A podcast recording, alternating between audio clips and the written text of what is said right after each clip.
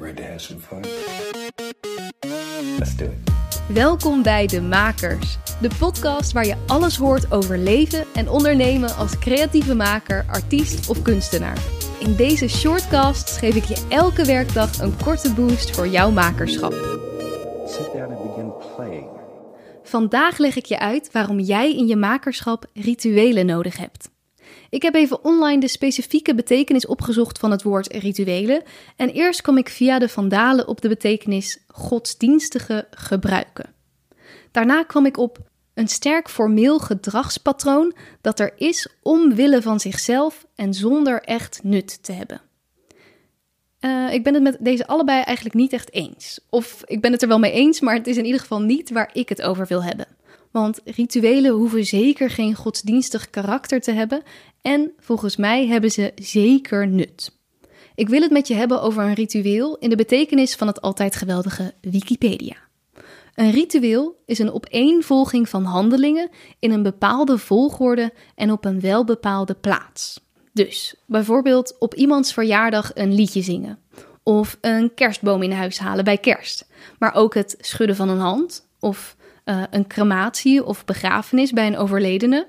Over dat soort rituelen wil ik het hebben. Bij bedrijven zie je namelijk ook vaak dat er rituelen zijn ontwikkeld. Er wordt een speech gegeven bij een afscheid, een feestje bij de opening van het jaar of een nieuwe opdracht wordt gevierd.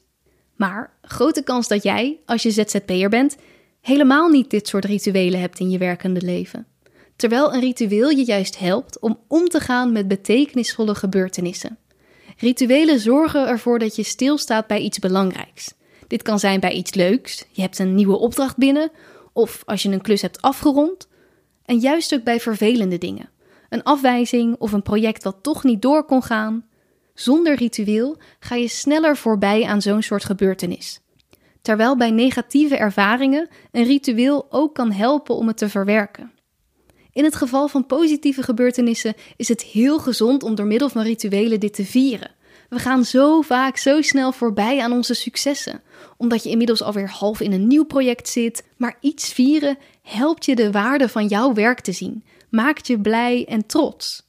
En het leuke is, je kunt van alles verzinnen. Bij makelaarskantoren wordt er bijvoorbeeld vaak een belgeluid of op een gong geslagen als er een verkoop is gedaan. Oké, ik weet dit omdat ik te veel Selling Sunset heb gekeken, maar dat geheel terzijde. Uh, ik ken bijvoorbeeld ook iemand die altijd een fly koopt bij een nieuwe opdracht. Of iemand die bij een grote binnenkomende factuur een mooi kledingstuk van een designer voor zichzelf koopt. Ik heb zelf een tijdje gedaan dat ik bij een belangrijke afwijzing een brief schreef waarin ik een soort afscheid nam van het idee dat ik wel aangenomen zou zijn. Dus alles wat me er zo leuk aan had geleken opschrijven en waarom ik zo baalde dat het niet doorging.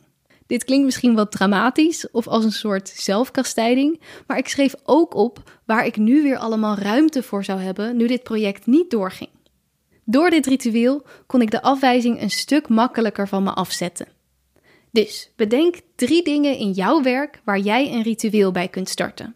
Ik heb het nu even niet over dagelijkse rituelen, zoals ochtends mediteren of s avonds in een dagboek schrijven, maar echt een ritueel bij de grotere gebeurtenissen in je bedrijf. Ik ben heel benieuwd wat je rituelen geworden zijn. Deel het zeker even met me via de Makerspodcast. Heel veel maakplezier! Vond je dit een interessante of leuke aflevering? Heb je er iets aan gehad? Volg of abonneer je dan op de makers in de podcast-apps.